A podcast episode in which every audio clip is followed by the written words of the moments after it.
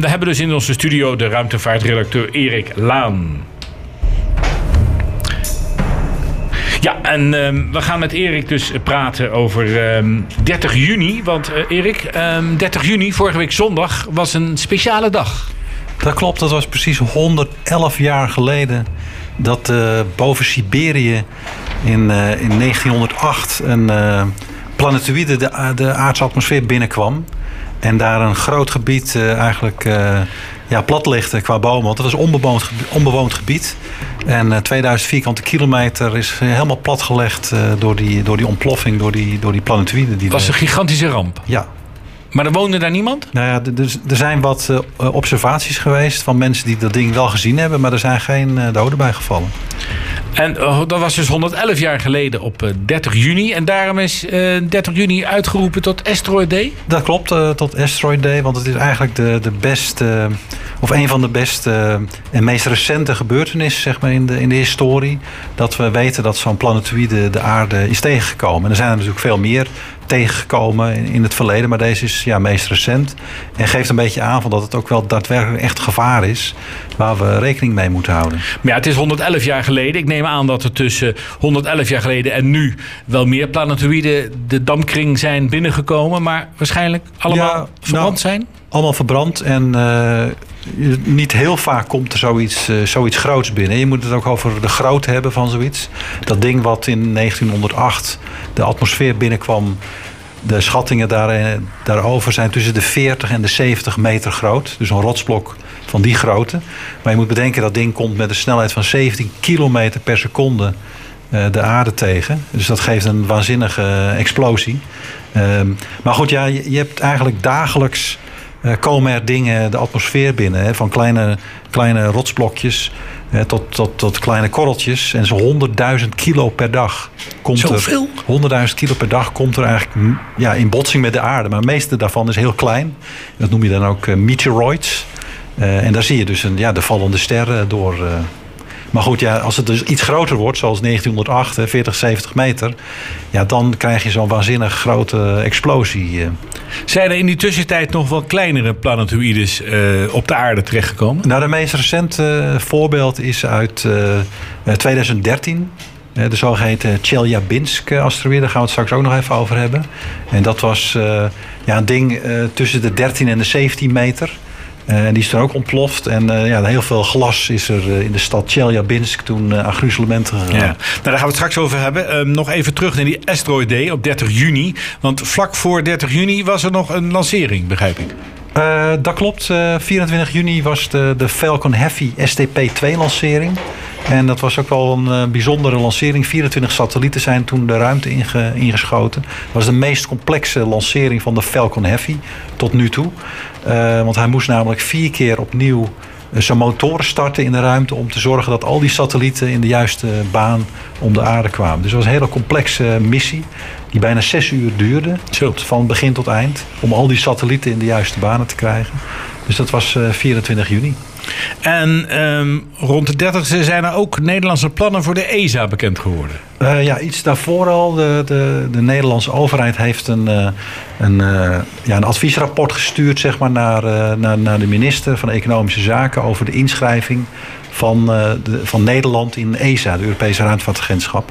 En die hebben daar, ja, denk ik zelf niet echt eh, goed hun best gedaan. Want als je kijkt wat ze nu van plan zijn voor de nieuwe ronde van ruimtevaartplannen, dan zie je dat Nederland zo'n 267 miljoen euro stopt in ESA. Nou, in 2016 was het nog 290 miljoen euro. En als je verder terug, terug gaat in de tijd, zie je dat het, dat het iets meer wordt. Nederland is een beetje aan het afzakken zeg maar, in de internationale ruimtevaart. Waar je ziet dat andere landen juist hun ruimtevaartinspanningen vergroten.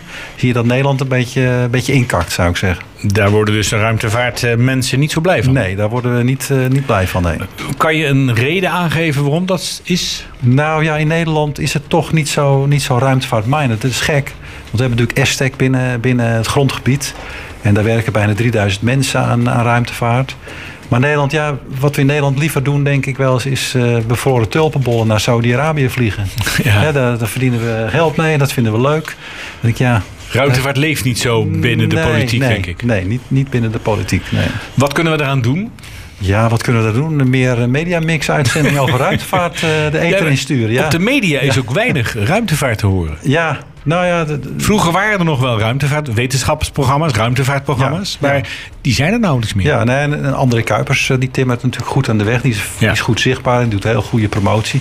Maar uiteindelijk ja, komt het neer bij de overheid die uiteindelijk ja, toch, uh, toch geld moet, uh, moet betalen om mee te doen in ESA. Om te zorgen dat, we, dat Nederland meegaat in de vaart der volkeren. En dat, dat schijnt nu een beetje uh, ja, op zijn beloop te raken.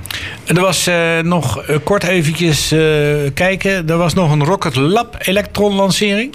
Ja, dat is vanuit uh, Nieuw-Zeeland. Dat is het bedrijf Rocket Lab. Die heeft een hele mooie raket ontwikkeld. Helemaal gemaakt van composieten. Uh, en die, die zijn gespecialiseerd om kleine satellieten de ruimte in te brengen. Dus die Falcon Heavy, dat is, daar kun je echt enorme bakbeesten de ruimte in brengen. Maar die Rocket Lab Electron die is echt gemaakt om hele kleine, compacte satellieten in de ruimte te brengen. En die is ook weer uh, omhoog gegaan voor de zevende lancering alweer. Okay. En dat is op zich wel een heel interessante markt, die, die kleine lanceerraketten. Er zijn, heel, er zijn wel honderd partijen ook bezig om dat soort raketten te ontwikkelen. Maar ik denk dat Rocket Lab echt wel uh, bovenaan de ranking staat. En dat is goed gegaan, die lancering? Die, ja, die lancering is goed gegaan. Die hebben okay. dat helemaal goed onder controle. Dat, is echt, uh, dat wordt echt een groot succes. Goed, nou, we weten inmiddels dus wat Asteroid Day is. En we hebben ook even de actualiteit rond Asteroid Day. Dat was dus 30 juni besproken. We gaan zo dadelijk verder, want ik wil bijvoorbeeld ook voor jou weten wat nou een asteroid is. Hè? Ja. Of in het Nederlands, uh, misschien hebben we er ook wel een naam voor. Mediamix Ruimtevaartnieuws. Ja, je luistert naar Mediamix op Den Haag FM 92.0. En ik ga even toch heel kort een klein uitstapje maken naar Marco. Marco, wat zegt jouw ruimtevaartnieuws? Wat zegt jouw ruimtevaart asteroïdes? Heb jij er iets mee? Ja, ik vind dat wel boeiend. Zeker wel. Ja. En heb je ook het een en ander gevolgd? Nou, ja, ik laat me altijd een beetje door Erik op de hoogte houden. Nee, maar dat vind ik echt, uh, ja, nee, dat vind ik heel boeiend. Want het is niet dat ik daar heel actief op, op zoek of zo. Of ja, je, je ziet wel eens wat op tv natuurlijk, maar juist uh, word ik een beetje geüpdate door Erik dat, uh, ja, tijdens zijn nieuws. Heel goed, nou dan gaan we programma. snel dus verder met Erik. Want, ik, ik, ik, waardeer dat nogal. Heel ja. goed. Nou, blijf lekker luisteren Marco. En de andere luisteraars natuurlijk ook. Die moeten niet afhaken. Want we gaan het over asteroïdes hebben in het algemeen. Want wat zijn dat eigenlijk? Ja, ja, want eigenlijk asteroïde in het, in het Nederlands is eigenlijk niet een... Het is een Engels woord, hè, asteroid. Ja, dus je kan het eigenlijk niet vertalen. En het, het goede Nederlandse woord is eigenlijk planetoïde. En een planeet, het woord planeet kennen we natuurlijk. En planetoïde betekent eigenlijk kleine, kleine planeet. En dat is eigenlijk, zijn alle rotsblokken die uh, om de zon heen vliegen. Uh, tussen de 1 meter en de ja, diameter van tot en met 1000 kilometer. Dat is een beetje wat je planetoïdes noemt. En zijn dat dan brokstukken die van planeten, grote planeten afkomen? Ja, het zijn zelfstandige hemellichamen, maar het zijn inderdaad ook uh, ja, afkomstig van botsingen door hemellichamen. Of gewoon restanten die er in het zonnestelsel zijn. Hè. Na de vorming van de zon, uh, 4,5 miljard jaar geleden, had je een grote gaswolk en daar is de zon uit ontstaan. En ja, er zijn allerlei materialen die waren daar ook in die ruimte die uh, om die zon heen gingen draaien. Uh, dus ja, dat noem je dan planetoïdes. En uh, ja, om de verwarring nog groter te maken, je hebt ook zoiets wat, wat heet meteorides. Ja, wat zijn dat dan? Dat, zijn alle stenen die kleiner zijn dan een meter. Dat is een beetje grofweg de, ja, de klassificatie. Dat alles groter dan een meter is een planetoïde. Tot en met 1000 kilometer. Daarboven noem je het dan, ja, dan kun je het planeet gaan noemen, maar dat, dat is ook weer aan regels gebonden. Uh, en onder een meter noem je het meteorieten, als het zeg maar in de ruimte vliegt. Dat is meer gruis. Dat is gruis, ja. En als je dus vervolgens zo'n meteoriete hebt die, die de aarde tegenkomt... en je ziet, hè, dan, dan, dan komt met hoge snelheid de atmosfeer binnen... komt er allerlei plasma vrij, allerlei licht... dan zie je een meteoor, een vallende ster. En als die meteoor bijvoorbeeld, uh, als er iets van overblijft... en nadat hij dat lichtspoor heeft gemaakt... En, en er is nog iets van een steen over en die steen valt op de grond... Zodra die, het aardoppervlak raakt, noem je het een meteoriet. En is er niet onlangs een meteoriet in Nederland? Uh? Uh, ja, 28 juni, dus twee dagen voordat Asteroid Day was. was uh, in, de, in, de, in de vroege avond, ongeveer dit tijdstip, was er een meteoor zichtbaar in Nederland. Vrij uniek, omdat je hem zag terwijl de zon nog boven de horizon was. Dus het was een vrij heldere een meteoor was zichtbaar. En toch was hij zichtbaar. En toch was hij zichtbaar. En mensen in de lijn tussen Breda en Zwolle uh, hebben duizenden mensen hebben dat ding kunnen zien. En ook vanuit Delft. Margrieta Mietes, een goede vriendin van mij, die heeft hem ook gezien vanuit Delft. Uh, en uiteindelijk ja, de, de, de, berekeningen laten zien dat hij ergens eh, ten noorden van Zwolle. Eh, als er iets van over is gebleven, ergens de grond heeft geraakt. Dus daar zijn ze nu ja, naast naar op zoek. Er zijn nog geen meldingen geweest van mensen die hem gevonden hebben. Geen melding van mensen die zeggen: hey, ik heb eh, een, een, gat in mijn, in, in mijn dak of een gat in mijn eh, auto. nee. Ja, want als zo'n ding naar beneden komt, dan zal die best wel schade veroorzaken. Ja, nee, de, de verwachting is wel dat er iets van een paar centimeter steen zeg maar, over is gebleven van dat lichtspoor. En dat, ja, dat is gewoon ergens neergekomen. Want ja, met dat- wat voor snelheid komt zoiets dan de Eh, aarde? nou, op een gegeven moment dan, dan wordt hij natuurlijk afgeremd door de atmosfeer. En dan valt hij op een gegeven moment recht naar beneden. En dan, moet je, ja, dan kun je gewoon de valversnelling uitrekenen. Dan ga je toch hè, naar de eh, 150, 200 kilometer per uur... dat Zo. zo'n steen recht naar beneden komt. Hè, dus dat geeft best wel een... eh, doet best wel oud, denk ik. Ja, dat is dus wat anders dan een hagelsteentje Ja. of zo. Ja. Ja, ja. Oké, dus dat zijn asteroïdes of planetoïdes. En ehm, we gaan even naar de muziek en dan gaan we daarna verder. Want eh, dan gaan we even kijken naar een specifieke planetoïde. De Chelyabinsk planetoïde. Maar eerst even hier in Mediamix op Den Haag FM naar de muziek. Je luistert naar Mediamix hier op Den Haag FM 92.0. Speciale ruimtevaart special over Asteroid Day. En ook even aan jou René de vraag. eh, heb Ja. jij iets met ruimtevaart? Ja, ik vind het heel erg interessant. En ik, ik, jij stelde net aan Marco. En toen had ik zo, ja, je hoort eigenlijk helemaal niks meer over het nieuws.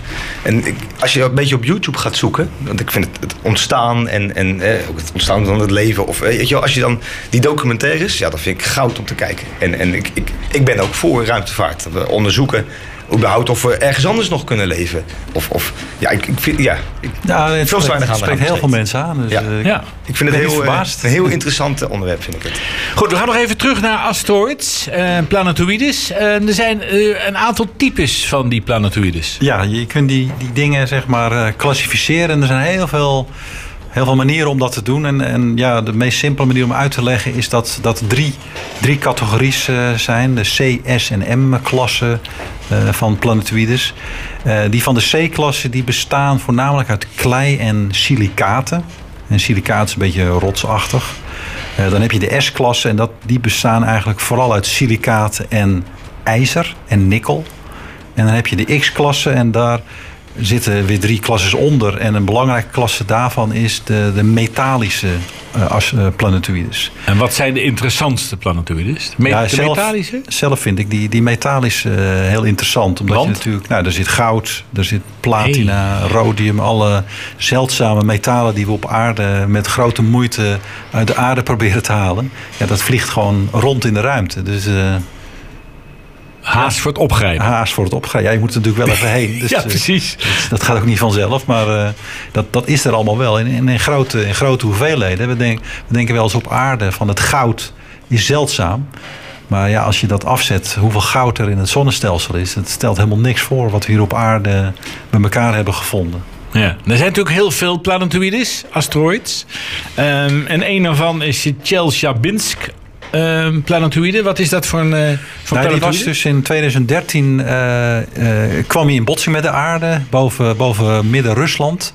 Een arbeidersstadje Chelyabinsk. En die, die planetoïde die kwam uit de richting van de zon. Dus niemand zag hem ook aankomen. Hij was helemaal Hij niet ontdekt Hij was niet ontdekt. Want hè, er, Oh. er zijn heel wat telescopen op aarde die, die zeg maar het heelal afscannen om te kijken waar die dingen zijn. Want ja, we weten dat, dat, dat ze gevaarlijk kunnen zijn. Maar deze was echt ja, onder de radar binnengekomen. Zo. En eh, nou ja, in 2013 heel wat mooie filmpjes van op internet, ook op YouTube. Dat je, die, dat, je dat ding zeg maar ziet binnenkomen en eh, dat er een enorme explosie eh, ontstaat in de atmosfeer van 30 keer de kracht van de Hiroshima atoombom. Zo. Op een hoogte van 30 kilometer boven die stad. En nou, je ziet er heel veel mensen naar kijken. En op een gegeven moment komt die, die, die, ja, die, die, die geluidsgolf. En die zorgt eigenlijk voor dat alle ramen in de hele stad eh, aan gruzelement zijn gegaan. Dus ja, dat, dat. En dus later hebben ze dus eh, overblijfselen, dus meteorieten gevonden. Dus er zijn een aantal stukken, stukken van die zijn- planetoïden op de aarde terechtgekomen. Ja, precies. En ja, gelukkig niet groot genoeg om eh, echt, eh, echte schade aan te doen. Dit ding was ongeveer tussen de 13 en de 17 meter in diameter. Dus de, de grootte van een woonhuis, zou je het kunnen zeggen. Wat, wat dan binnenkomt met een snelheid van 70 km per seconde. Dat is groot. Ja, dat, Ja. dat is behoorlijk groot. Dus dat, ja, de, de inschatting is dat dat ongeveer één keer in de tien jaar, zeg maar, de aarde tegenkomt. Is het dan niet verstandig om een soort waarschuwingssysteem eh, eh, te maken? Of, of, of misschien is dat er al, Ja, maar nee, dan dus te dat- verbeteren? Precies, daar, daar, wordt, eh, daar wordt aan gewerkt. Dus er zijn heel wat telescopen die dat in, in de gaten houden. Maar dat kan altijd veel uitgebreider. Hè? Want dat is, zijn toch wetenschappelijke instituten die dat soort telescopen opereren. En die ja, moeten dat toch aan de gang houden. En je merkt daar ook gewoon dat het niet, dit onderwerp is ook niet echt op de politieke agenda. Terwijl het wel, ja, wel een wezenlijk gevaar is voor de samenleving. Je leest soms wel eens in de media dat er een of andere hele grote planetoïde wordt verwacht dat hij de aarde eh, vlak langs de aarde scheert. Of Ja. misschien wel naar de aarde toe gaat. En dan vervolgens hoort er helemaal niets meer over. Ja, nee, dat, dat is dat die kansen dat, dat er een botsing eh, komt, eh, zijn gewoon heel klein. Het heelal is zo groot, het zonnestelsel ook, ja, dat die botsingen nou eenmaal, eh, ja, dat er een kleine kans op is. Maar er zijn zo één keer in de, in de twintig jaar, is er een planetoïde die best in de buurt komt. En met alle onzekerheden van al die, al die metingen die ze doen aan dat soort hemellichamen, kun je niet helemaal zeker zijn dat ze de aarde niet gaan raken. Nee. Weet jij de grootste meteoriet of planetoïde of, of, of zo die, die Nederland geraakt heeft? Weet Die je dat? Nederland, nou, ik, ja, je hebt de, de, hoe heet de, de naam ben ik even, Elemiet, of eh, die ligt ergens in een, in een museum. Dat is een klomp van, eh, ja, van een paar kilo die eh, eh, in het museum ligt. En die is in Nederland neergekomen. Die Die, is in Nederland neergekomen. heeft toen schade veroorzaakt of niet? Volgens mij niet. Ja, ik weet, twee jaar geleden was er, een, was er eentje ook neergekomen, een, kleine, een vrij kleine, die had een gat in een dak gemaakt. Oké. Ja. Want hoe vaak komen die dingen nou bijvoorbeeld in Nederland neer? Op, Nou, in Nederland ongeveer één keer in de twee jaar dat je wel echt een, een, een vuurbol aan de hemel ziet. Hè, want dat moet je, het is niet zomaar een vallende ster, maar het is echt een vuurbol. Het is echt zo dat je denkt, oké, dit is echt wel een, een grote jongen. Dat gebeurt ongeveer één keer in de twee jaar. Eén keer in de twee jaar. Ja, Dus het valt nog wel mee. ja. Ja. Maar je kan je natuurlijk niet tegen wapenen. Want een parapluutje gauw opzetten, dat helpt niks. Nou, niet op het moment dat hij dat binnenkomt. Maar je kunt natuurlijk wel door al die waarnemingssystemen eh, aan elkaar te koppelen... dat je, dat, dat je te kunt voorspellen dat er iets komt. eh, ja, dat je vooraf al eh, maatregelen gaat nemen bij zo'n planetoïde. Dat je allerlei dingen gaat doen om hem uit zijn baan te krijgen... of om, om, om te laten ontploffen Ja. of andere dingen. En nu we natuurlijk eind juni die eh, meteor hebben gehad, eh, die dus neergekomen is eh, in Nederland. eh, gaat het nou weer een jaar of twee duren? Ja, ja, daar kun je de klok niet eh, op gelijk zetten. Het is niet eh, elke twee jaar, maar gemiddeld elke twee jaar. Dus als je dat over een paar honderd jaar eh, optelt, zie je dat het gemiddeld elke twee jaar duurt. Maar het kan best eh, nu gebeuren. Ja. Of twee keer per dag. Ja. En dan weer 400 jaar niks. Precies. Of eh, ja, dat. Ja, we gaan het straks hebben over ruimtemissies naar die planetoïden. Dat is ook wel heel interessant, want dat, ook dat gebeurt natuurlijk. We praten over asteroïdes, planetoïdes met Erik Laan, onze ruimtevaartmedewerker. en ehm, ja, er zijn ook ruimtemissies naar de planetoïden. En dat is eigenlijk best wel heel belangrijk, want ehm, dan kunnen we wat meer te weten komen over die dingen. Want ze kunnen best gevaarlijk zijn. Hè? Ja, precies. Eh, ze, ze vliegen natuurlijk door, door het zonnestelsel en ze kunnen de aarde tegenkomen. En zoiets is natuurlijk ook bijvoorbeeld 65 miljoen jaar geleden ook gebeurd. Eh, en toen waren er nog eh, geen mensen hier op aarde, maar de dinosaurussen liepen hier eh, vrolijk rond. En die kregen ineens een, een eh, behoorlijke steen voor hun kiezen. Hoe groot was dat ding toen? Ehm, nou, dat gaat in de orde van 10 kilometer. Zo. Ja, en dat was een enorme inslag. Hè. De, de, bijvoorbeeld de Golf van Mexico. Ja. Hè, daar zie je, zeg maar, dat, dat is de inslagkrater van dat, van dat ding. En die heeft ervoor gezorgd dat eigenlijk de hele aarde eh, ja, in vuur en vlam kwam te staan. En eh, de, dat er daarna zeg maar, de atmosfeer helemaal gevuld was met stof. En dat alle planten doodgingen. Ja, die, doordat die- die- ja, sorry dat ik even onderbreek, maar die, die wordt dan nauwelijks afgeremd waarschijnlijk. Die, Die wordt, nee, nee, die wordt niet afgeremd. de eh, damkring nee. gaat gewoon... Die is zo groot dat die damkring daar geen, ervaar- Nee, alleen geen dat, effect voor, op dat heeft. voorste stukje van die asteroïde, die komt Ja. die dampkring tegen met die hoge snelheid. Dus daar, daar ontstaat al een vuurzee. Maar die, ja, die massa van dat ding, ja, die, dat die is raakt. te veel, dat draait gewoon Ja. door. Ja, dus die heeft ook zeg maar de aardkorst eh opengescheurd. Hè. Daardoor kwam er allerlei lava, magma naar buiten. Dus dat was, eh, ja, de hele aarde was zeg maar een grote tsunami en een grote vuurzee. En eh, ja, dat heeft eigenlijk al het, eh, al het grote leven om, om, leven, om het leven gebracht. eh. En dat kwam voornamelijk door die planten die geen zonlicht meer kregen. Daardoor de dieren geen, geen voedsel. En ja, heel wat dieren zijn toen, uh, toen uitgestorven. Dus vandaar is het belangrijk dat we meer te weten komen over die planetoïden. Zodat we ze op afstand Precies. al kunnen uitschakelen. Of Ja. Kunnen sturen dat ze langs de aarde komen. Ja. en vandaar die ruimtevaartmissies. Vandaar die ruimtevaartmissie. En, en een van die ruimtevaartmissies is die, eh, die Osiris-Rex-missie. En die is op dit moment bij de planetoïde Bennu. En het interessante daarvan is dat die planetoïde Bennu... daar hebben ze van uitgerekend in het, ergens in, het, in 2200, dus over 200 jaar... is, dit, is deze asteroïde eh, is op, eh, op een botsing. Die kan een gevaar Die kan vormen. een gevaar vormen. En hoe groot is die? En dat is een ding van 500 meter groot. Oké. Dus dat ja, als die in, in botsing komt met de aarde, dan eh, hebben we een probleem. Ja, dan moet je er niet onder staan. Nee. Nee, dus dat is een van de redenen dat ze daar dus heen zijn om te kijken wat, hoe, waar, waar bestaat het ding uit. En eh, ja, wat, hoe kunnen we daarmee omgaan in de komende 200 jaar. Om toch dat risico te verkleinen dat, dat er een botsing komt. Want een van de mogelijkheden zie je wel eens in science fiction films... dat ze dan een eh, raket er naartoe sturen met een atoombom aan Ja. boord. eh, die ze dan op die planetoïden laten ontploffen. Eh, zou dat helpen? Nou, dat, dat is een mogelijkheid om, om, om dat te doen. Maar daarvoor, voordat je die keuze maakt hoe je zo'n asteroïde gaat. ja, hoe je, hoe je daarmee omgaat, moet je precies weten waar die uit bestaat. Want als je het hebt over bijvoorbeeld een metallische asteroïde. Ja, dan, dan doe je weinig, denk ik, met zo'n, eh, met zo'n atoombom. eh. Ja, dat gebeurt er niet veel. Hè, maar die, die Bennu, dat is een, ja, toch een meer een, eh, een silicaatachtig ding. Maar kijk, er zijn ook wat, wat andere technieken om zo'n asteroïde wat, wat handiger uit zijn baan te krijgen. Je kunt bijvoorbeeld denken om één kant van die asteroïde heel donker te maken en de andere kant heel licht. Bijvoorbeeld met, eh, met, eh, met verf. en je kunt dan de zon gebruiken om te zorgen dat één kant meer druk krijgt van licht dan de die andere kant, waardoor baan die van baan verandert. Ja, precies. Dat is heel rustig dat je daar al van 200 jaar van Ja. tevoren mee begint. Om te zorgen dat hij over 200 jaar ons gaat missen. Ja.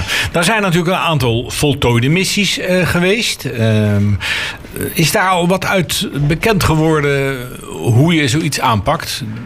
Ehm, nou, niet echt hoe je zoiets aanpakt, maar meer kennis over eh, waar, die, waar die dingen nou uit bestaan. Want dat is natuurlijk wel uiteindelijk op de eerste plek zeg maar, de reden dat ze naar die asteroïdes toe gaan.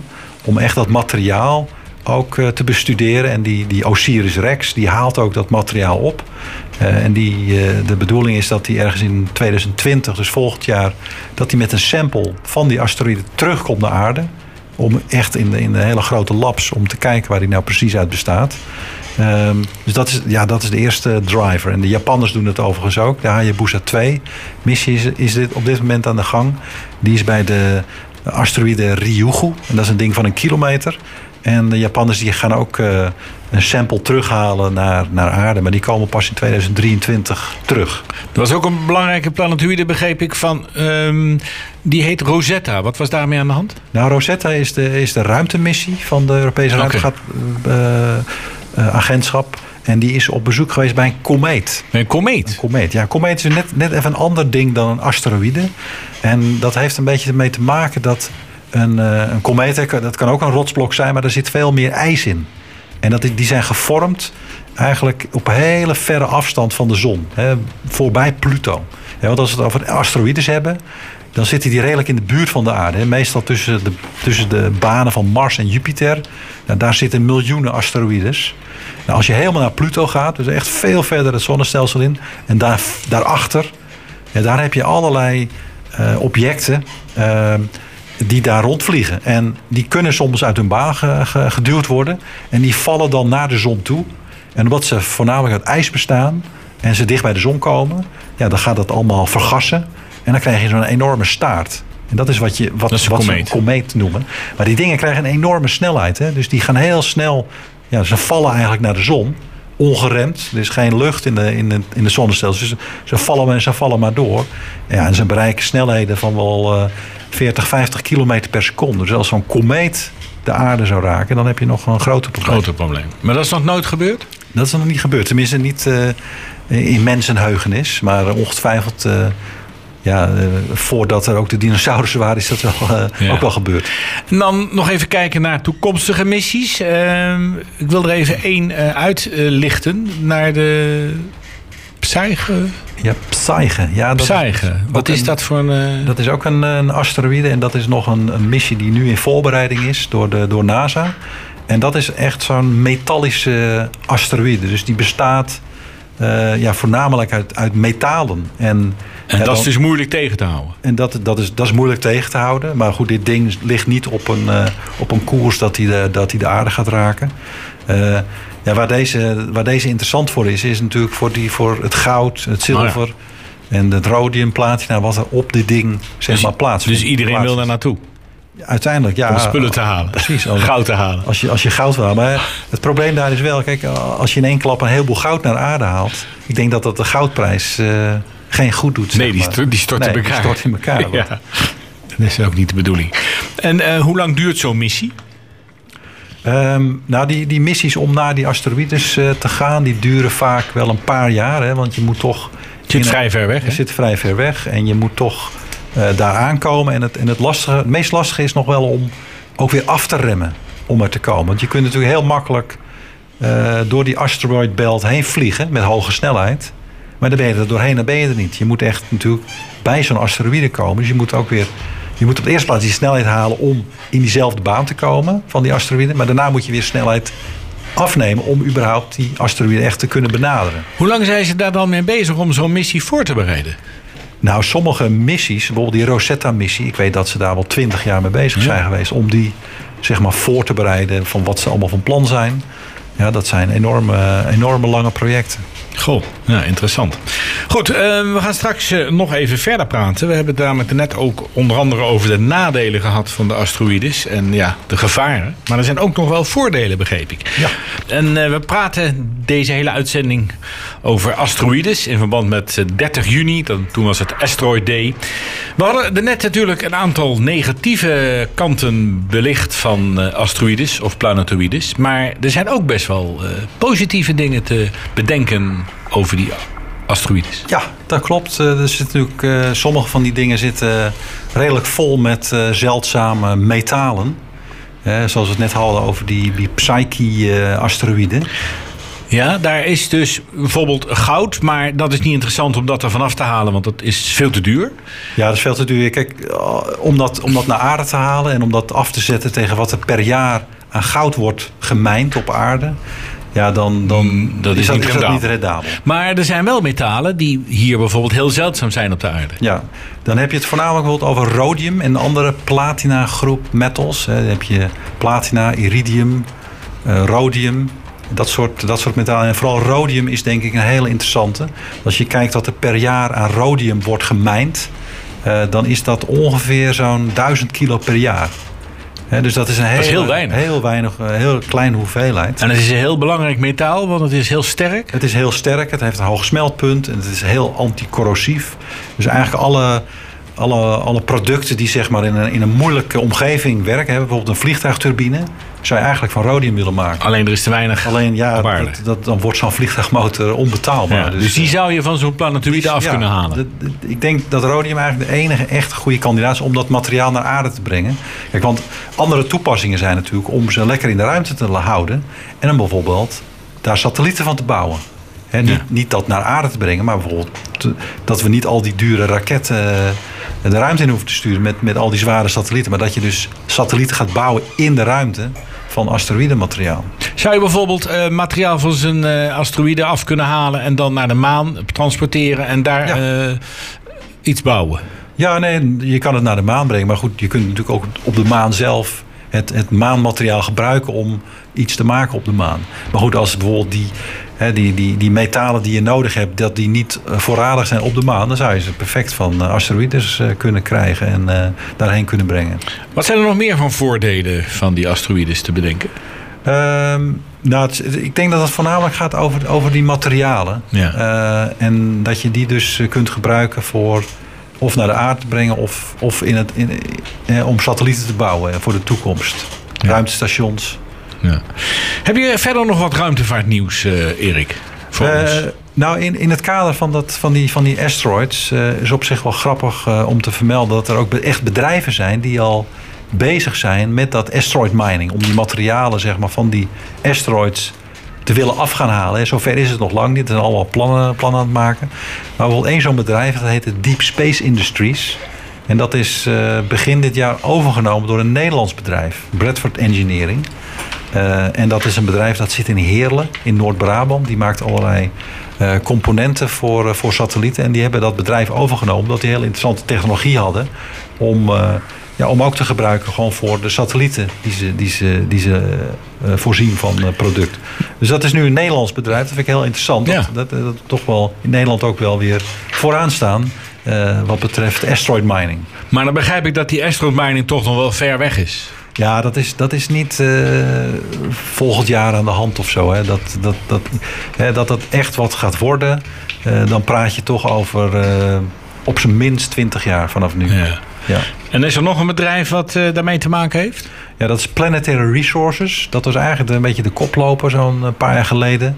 Die waren echt van plan om eh, ja, die, die asteroids te gaan minen. Die hadden groot geld binnengehaald van allerlei rijke zakenlieden in Amerika. Uiteindelijk is dat bedrijf ja, toch failliet gegaan. Eh, en ja, gek genoeg is dat opge- opgekocht nu door een, eh, een zogeheten cryptocurrency bedrijf. En eh, ik begrijp niet helemaal wat dat cryptocurrency bedrijf Ja, moet dat heeft te maken met digitale munten. Maar wat dat te Ja. maken heeft dan met die satellieten of Ja. met die asteroïdes? Nou ja, je ziet toch ook wel dat, dat in de ruimtevaart ook wel gekeken wordt naar cryptocurrencies, maar meer op telecomgebied. Ja. En niet zozeer naar asteroid mining, want dat is nog een beetje, een beetje ver in de toekomst. Ja, dat is een beetje apart. Goed, dankjewel Erik voor al jouw eh, over Asteroid Day.